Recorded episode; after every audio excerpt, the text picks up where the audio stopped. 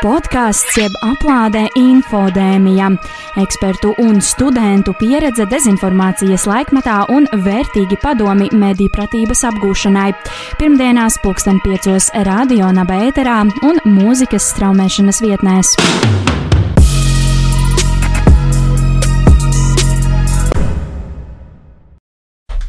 Hei, hei, hei! Esiet sveicināti visi podkāstu infodēmija epizodē ar numuru 16.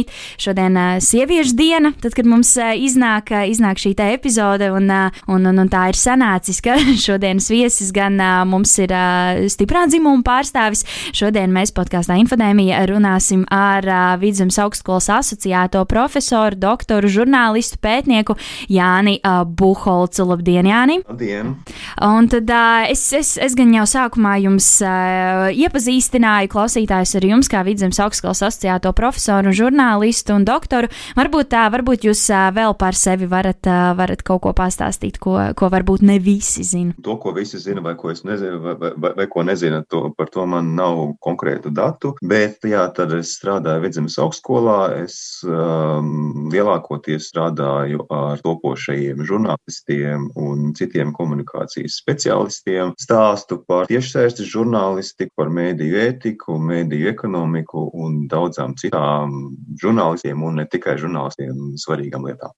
Burvīgi. Atgādināšu gan vēlreiz, ka studijā šeit esmu es Elīna Krēmere un man daļā kursa biedrene Laura Laķa. Jā, un tad, un tad Laura var, var uzdot mūsu pirmo interesējošo jautājumu saistībā ar tematu cenzūra. Nu jā, šodien mēs arī labprāt runātu ar jums par jūsu specialitāti. Un tā kā galvenā tēma ir cenzūra. Tas patiesībā, protams, ir termins, ko sabiedrība pazīst jau ļoti, ļoti sen. Tomēr pēdējā laikā tas ir īpaši aktualizējies saistībā ar sociālajiem mēdījiem. Un sakiet, varbūt jūs varat nu, izskaidrot, kas īsti ir cenzūra un arī kā šī jēdziena izpratne ir mainījusies tieši sociālo mēdīju laikmetā. Nu, jēdziens ir ļoti liels, ļoti plašs, ļoti sarežģīts. Un uz to mēs varam paskatīties dažādi. Tāda vispārēja definīcija cenzūrai ir, ka tā ir darbība, kura ir vērsta uz eh, noteiktas informācijas aprites ierobežošanu. Un eh, šīs darbības, šo te, eh, šo te ierobežošanu var veikt dažādas iesaistītās puses. Tās var būt valdības,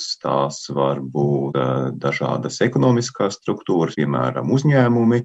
Un to, protams, var darīt arī indivīdi. Indivīdi pret citiem indivīdiem, vai arī nu, šīs lietas var, protams, tikt vērstas arī, arī gan pret indivīdiem, vienkāršiem cilvēkiem, gan pret arī dažādām citām, varbūt, organizācijām, kas var tikt vērsts pret žurnālistiem, kas ir viena no vissvarīgākajām profesijām, kuras kontekstā ir svarīgi runāt par cenzūru.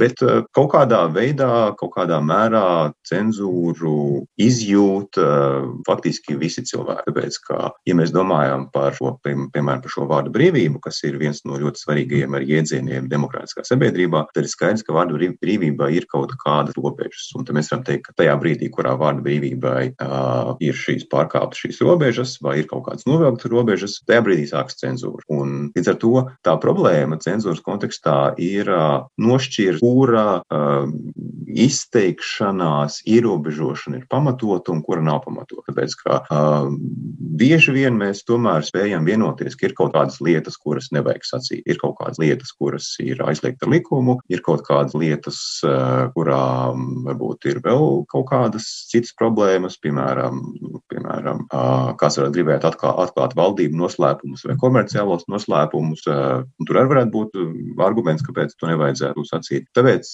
ja mēs gribam runāt par cenzūru tādā problemātiskā aspektā, protams, ka mums ir jānoformulējas uz tām vārdu brīvības ierobežošanas epizodēm, kuras mēs varētu identificēt vai, vai, vai nosaukt kā nepamatotas izteikšanās brīvības ierobežošanas epizodes. Nu jā, un ar to saistībā patiesībā joprojām aktuāla tēma ir arī janvāra sākumā notikušās sadursmes ASV Kapitolijā, kuru rezultātā tika slēgti bijušā ASV prezidenta Donalda Trumpa sociālo mediju konti.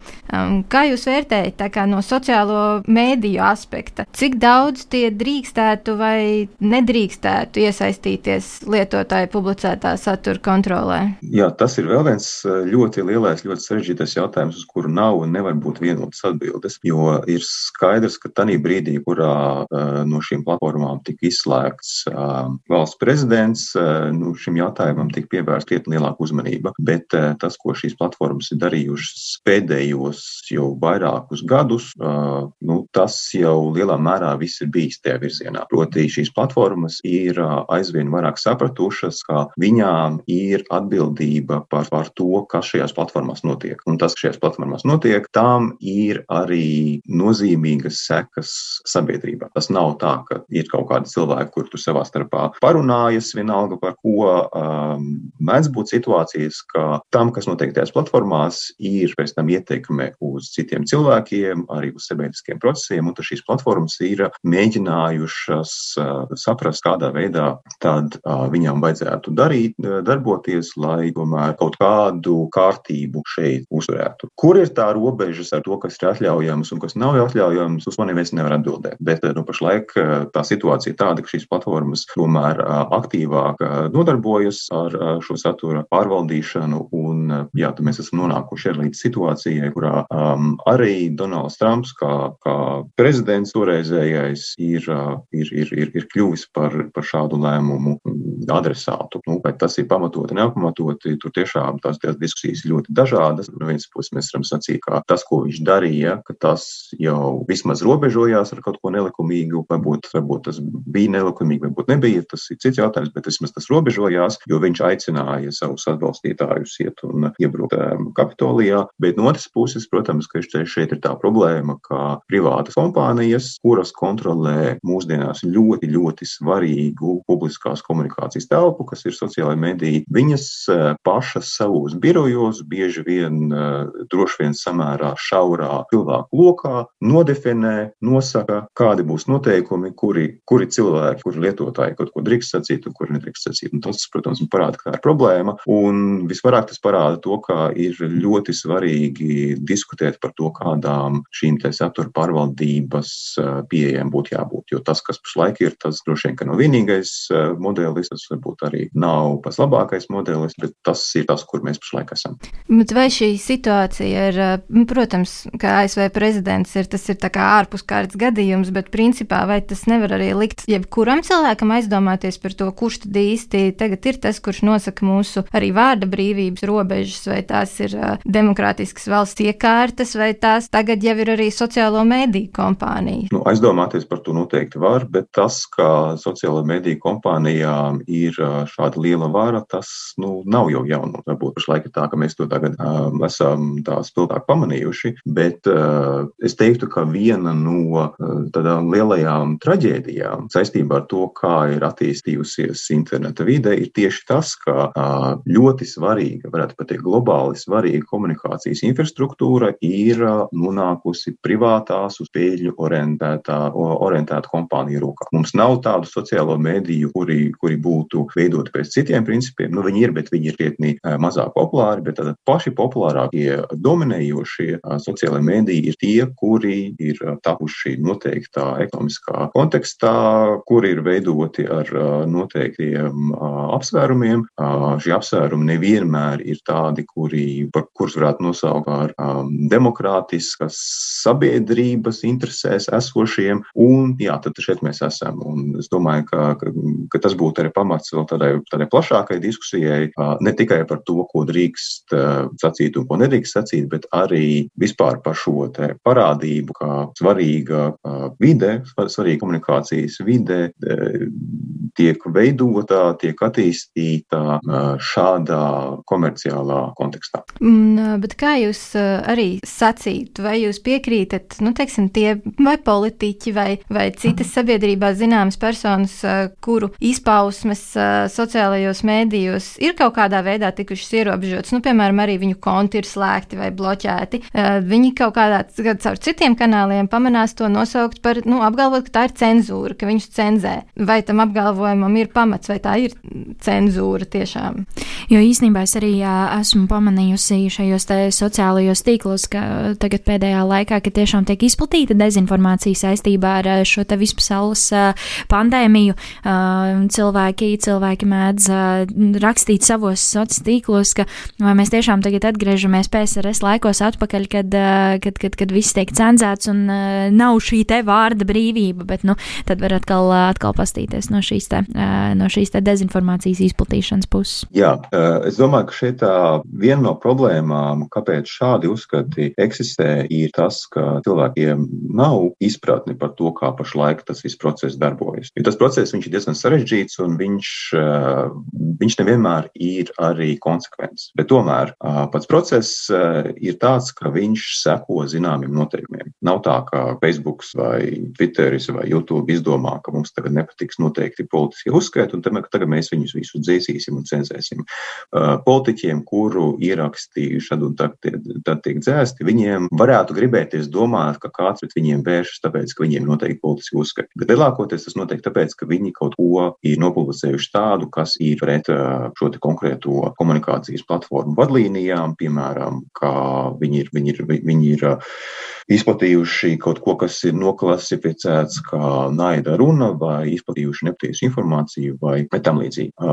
Tas ir viens. Un, un, un otrs savukārt ir, ir stāsts par to, ka tas ir viens no lielajiem izaicinājumiem vispār šajā procesā, kā satura pārvaldība darbojas. Tāpēc, ka tik tiešām ir situācijas, kurās šīs platformas identificē un dzēš ierakstus, kuri ir melīgi, kuros ir nepatiesa informācija. Bet uh, mēdz būt situācija, ka tie cilvēki, kuri šo informāciju izplata, viņi jau tā nedomā. Piemēram, cilvēks ir pilnīgi pārliecināts, ka Covid-19 ir milzīga mēroga sazvērstība. Viņiem šķiet, ka tagad valdība viņiem melo, ka mediji, visi lielie mediji viņiem melo, eksperti melo, un viņiem šķiet, ka viņi atklājuši kādu slēpto patiesību.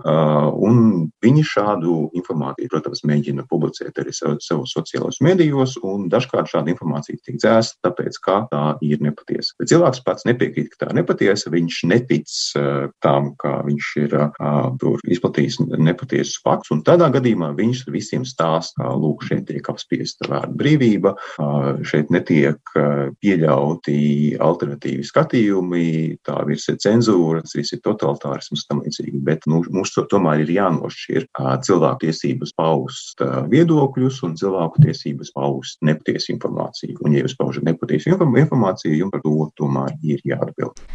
Man uzreiz tad, uh, arī iešaujas prātā, nu vienkārši turpinot šo diskusiju, tad jautājums par to pelēko zonu un vai ir tāda pelēkā zona, par to atšķirību starp kurā, uh, kā, kā šīs uh, sociālā mediju kompānijas tad arī lemj, kurā brīdī beidzas uh, viedoklis un uh, sākas mēģinājums uh, apgalvot kaut kādus nu, nepatiesus faktus. Un vai jūs prāt, uh, viņiem ir arī vienmēr viegli to noteikt, kurā brīdī tas ir, uh, es to tikai tīri paužu kā savu viedokli un kurā momentā es apgalvoju apgalvoju, ka nu, kaut kādu faktuālu informāciju mēģina uzspiest. Uh, es domāju, kurš tad ir, kurš to lemj? Jā, pelēko zonu tur ir ļoti daudz. Jo tik tiešām, tad, kad uh, mēs mēģinām saprast, kas ir, kas ir meli un kas ir patiesība, tas ir ļoti sarežģīti. Jo uh, arī, ja mēs domājam kaut vai par cīņu pret uh, viltus ziņām, viena no lielākajām problēmām šajā procesā ir tas, ka ļoti liela daļa no tās informācijas, kuru varētu apsvērt kā tādu, kuras izplatību vajadzētu ierobežot, ir tāda, kurā ir kaut kāds patiesības grauds. Nav tā, ka tas viss ir pilnīgi izdomāts. Bet jautājums tikai par to, kur beidzas ļoti radoša interpretācija un kur sākas jau dezinformācija, manipulācija, meli un tam līdzīgas lietas. Un, eh, jā, tāpēc tik, tik tiešām ir iespējama situācija, kur eh, tie lēmumi eh, var būt ļoti problemātiski, jo patiesības iedziens vispār ir ļoti sarežģīts, ļoti daudzslāņains. Ir kaut kādas lietas, ko mēs visi droši vien varam vienot vienoties, mēs varam paskatīties laukā pa logu un secināt, ka šajā brīdī nesniegs sniegs, bet ir ļoti daudz citas lietas, ļoti daudz tādas abstraktākas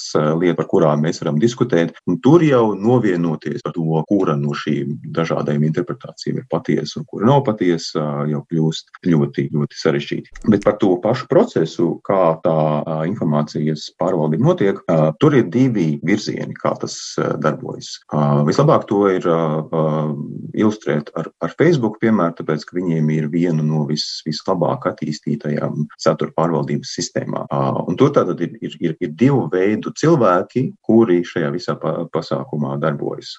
Pirmie ir tie, ko sauc par satura moderatoriem, tie cilvēki, kuri bieži vien tiek nolīti veikt satura uzraudzību. Tātad ir cilvēki, kuriem, kuru darbs ir sēdēt pie datora un skatīties dažāda veida ierakstus un izvērtēt, vai šie ieraksti atbilst konkrētās platformas satura vadlīnijām. Facebookā ir visnotaļ detalizēti izstrādātas vadlīnijas. Viņi ir pateikuši, kas tās lietas, ko nedrīkst platformā likt. Piemēram, nedrīkst atainot vardarbību, nedrīkst darboties noziedzīgas organizācijas, nedrīkst izplatīt. Nepatiesu informāciju, nedrīkst uzbrukt cilvēkiem viņu dzimuma, viņa rases, viņu etniskās piedarības un, un, un, un citu šādu um, kategoriju uh, dēļ un tam līdzīgi. Lūk, un tad arī cilvēki, kuri skatās, viņi, piemēram, viņiem tiek piesūtīta šī informācija, kuru vai nu ir identificējuši mākslīga intelekta algoritmi, vai arī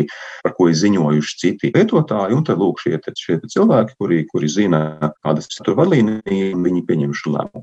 Un savukārt tad ir otrā darbinieku kategorija, un tie ir faktu pārbaudītāji. Facebookam ir sadarbība ar vairākām, vairākiem desmitiem organizāciju visā pasaulē. Tas ir organizācijas, kuras darbojas šeit faktu pārbaudīšanas jomā. Šī, tas ir organizācijas, kurām ir vienoti standarti, un šīs organizācijas noteiktu valstu kontekstā arī drīkst identificēt informāciju, kura ir nepatiesa, un viņš šo informāciju drīkst atzīmēt kā tādu. Bet šie faktu pārbaudītāji nedrīkst informāciju dzēst. Tad informācijas dzēšana un informācijas pārbaudīšana, tad faktoloģijas pārbaudīšana, tās ir divas dažādas um, kategorijas. Un Latvijas kontekstā mēs arī labi, labi varam redzēt, ka ir diezgan liela uh, neskaidrība vai nezināšana cilvēku vidū par to, kā tas process darbojas. Un, piemēram, arī Baltika, kas ir uh, faktu pārbaudītāji uh, Latvijas kontekstā, tad, kad viņi kaut ko uh, atzīmē kā, kā nepatiesu, tad uh, cilvēkiem šķiet, lūk, ir tā cenzūra. Um, lai gan īstenībā ar Baltiku neko nevar cenzēt. Viņi var tikai atzīmēt, ka kaut kas nepatiesi, bet viņiem nav dzēšanas tiesības. Latvijas kontekstā kaut kas arī tiek dzēsts, bet arī Baltikai vai vispār šiem pārbaudītājiem ar to nav nekādu sakaru. Bet tieši kas ir tie, kas dzēš saturu no Latvijas, par to nav īpaši lielas, nav īpaši liela zināšanu. Facebook par to nav ļoti atklāts, kas ir tie konkrēti cilvēki, kuri, tā, kur tas notiek un kādiem, nezinu, principiem konkrētajā situācijā darbojas. Mēs zinām vispārējās vadlīnijas, mēs zinām vispārējo to, to loģiku, bet, bet kā tas tieši notiek un kāpēc kaut kas, kaut kas notiek vai, vai, vai nenotiek, par to droši vien, ka Facebook varēja būt mazliet vairāk atklāts. Bet tajās atsevišķajās situācijās, kad kaut kādas satura daļas vai cilvēku ieraksti tiek dzēsti, um, kā jūs prāt, vai tas neveicina to cilvēku, kur jūtas, ka viņu viedoklis nu, automātiski tiek cenzēts vai, vai nu, kaut kādā citā veidā apbežots, vai tas neveicina uh, to viņu sociālo burbuļu veidošanos citās vietnēs? Un vai no tā arī tālāk neizriet tikai kaut kāda lielāka sabiedrības polarizācija, jo automātiski no tām lielajām platformām nu, tos lietotājus stumj prom pamatoti, bet uh, vai viņi tāpat viens otru neatrod atkal citās vietās? Ne, nu, viņi noteikti var mēģināt uh, arī atrast, un to, tas jau arī redzēts uh, pēdējā laikā, arī tā paša Trumpa dzēšanas kontekstā, kad arī tādi vēlākie viņa cienītāji, kur arī bieži piedzīvo šīs savu ierakstu dzēšanas, viņi, viņi, viņi devās uz alternatīvajām platformām. Un es piekrītu, ka tur tāpat ir zināma riski. Tur var veidoties šīs radikālās um, lietotāju grupiņas, uh, kuras iespējams ir vēl vairāk atrautas no uh, plašākas informācijas plūsmas. Uh, bet es neesmu pārliecināts, ka tas būtu arguments pret satura pārvaldību vispār. Jo šis jautājums par to, ko mums vajadzētu atļaut un ko mums nevajadzētu atļaut, tas ir aktuāls. Un es nevaru apgalvot, ka arī Facebook un visas, visas citas lielās platformas to ir atrisinājušas. Tur, tur to balansu atrast starp izteiksmes brīvību un tomēr noteikti problemātisku izteikumu ierobežošanu ir, ir diezgan grūti. Bet es domāju, tikai tāpēc vien, ka, ka cilvēki var doties uz kādām alternatīvām platformām, mēs uz tā pamata nevaram pateikt, ka tagad mums drīzāk vajadzētu atļaut visiem sacīt visu. Ja tomēr tas, kas tiek pateikts tiešsaistē, tām var būt sekas, un šīm sociālo mediju platformām ir arī atbildība par sekām, kuras notiek sabiedrībā, tāpēc, ka šajās platformās tiek izplatīta arī nepatiesa informācija, tiek izplatītas uh, sazvērstības teorijas un daudzas citas lietas. Jā, grūti nepiekrist. Grūti nepiekrist. Uh, noslēgumā jautājums, protams, no kā grūti izbēgt saistībā ar uh, Covid-19 un vakcinācijas kontekstu. Kā jums šķiet, nu, tādā ieteikuma formātā, protams, kā valdībai vajadzētu rīkoties komunikācijas jautājumos, lai cilvēkiem rastos priekšstats un uzskats, ka tā sabiedriskā doma tiek uh, respektēta un lai neveidotos, neturpinātos tā, tā sabiedrības šķelšana, kas mums arī šobrīd notiek sociālajos mēdījos. Es neesmu pārliecināts, ka tā ir valdības uh, tāda joma, uh, tur domāt par to, lai nenotiek šķelšanās sociālajos mēdījos. Uh, valdība, protams, var komunicēt uh, informāciju, valdība var uh, sniegt cilvēkiem informāciju arī par Covid-19, par vakcinācijām un, un, un, un, un tam līdzīgi, bet uh, nu, droši vien mēs nekad nevarēsim uh, sagaidīt situāciju, kurā visiem cilvēkiem būs vienprātība. Cilvēkiem ir tiesības uz, uz, uz savu viedokli, cilvēkiem tā skaitā ir tiesības arī kļūdīties, bet ir svarīgi, lai šī informācija eksistētu. Tātad, ja jūs saņemat kādus interesantus, dīvainus, alternatīvus uh, apgalvojumus Facebookā, un ja, jūs, ja jums ir kaut nelielas šaubas par šīs informācijas patiesumu, jums vajadzētu būt samērā viegli atrast alternatīvu informāciju. Lielākā problēma ir tad, ja jums laika līnijā nonāk kāds iespējams jūsu draugu ļoti plaši šērots materiāls, kurā ir izteikti dažādi dīvaini apgalvojumi. Jums iespējams, ka ir neliela šauba, bet jūs nevarat atrast neko pār šo informāciju. Un tas tā, tā, tā problemātiska informācija tad būtu vienīgā, kas jums tiešām eksistē. Ja ir mums alternatīvi skatu punkti, ja mums ir skatu punkti, kuri nāk no ekspertiem, no cilvēkiem, kuri tik tiešām zina šīs lietas, kuri ir pētījuši šīs lietas, un ja šī informācija ir pieejama cilvēkiem, tad nu, cerams, ka cilvēki spēs pieņemt pareizo lēmumu, spēs nošķirt pelavas no graudiem un ne, nekritīs par upuri dažādiem manipulatoriem. Tieši, tieši tā. Tā mēs arī kopā ar uh, Lauru un, protams, arī visu pārējo uh, infodēmijas komandu ceram, ka, uh, ka tiešām uh, cilvēki un, uh, un, un, un uh, spēs nošķirt uh, šo te vienkārši uh, dezinformācijas izplatīšanu no cenzūras. Um, teiksim tad uh, vēlreiz ļoti lielu paldies uh, Jānim Buholcam, Vidzemes augstskolas asociētajām profesoram, žurnālistam un arī doktoram, pētniekam uh, par šo te šodienas sarunu attiecībā uz cenzūru. Tiešām, manuprāt, ir vērts atcerēties to, ka šī te robeža ir tāda ļoti, ne, ne pilnīgi, nu tāda tā kā peldoša, ka viņa nav ļoti stingri noteikta ar kaut kādiem konkrētiem, konkrētiem nosacījumiem. Un atcerēsimies arī to, ka visi tie, kas šajos sociālajos tīklos um, pārbauda informācijas pareizumu, ka viņi nevis vienkārši dzēš ārā to, kas viņiem nepatīk, uh, bet, bet ka tiešām šī informācija tiek pārbaudīta un nekas vienkārši tāpatās nenotiek. Vēlreiz liels jums paldies, Jānim! Paldies par sarunu! Un jā, tad mēs ar Lauru teiksim jums visiem tā un, un nevaram sagaidīt jau nākamās, nākamās nedēļas epizodi ar, ar, ar, ar, ar kas mums ir nākamā nedēļa. Anastasija Tatrenko, jā, par, par populismu un par, par tādām interesantām, interesantām tēmām par pārliecināšanu. Tā kā, tā kā palieciet, klausieties podkāstu infodēmija un tiekamies jau nākamajā reizē. Tā! Tā! Podkāsts jeb aplādē infodēmija, ekspertu un studentu pieredze dezinformācijas laikmatā un vērtīgi padomi mediju pratības apgūšanai. Pirmdienās pulksten piecos radio nabēterā un mūzikas straumēšanas vietnēs.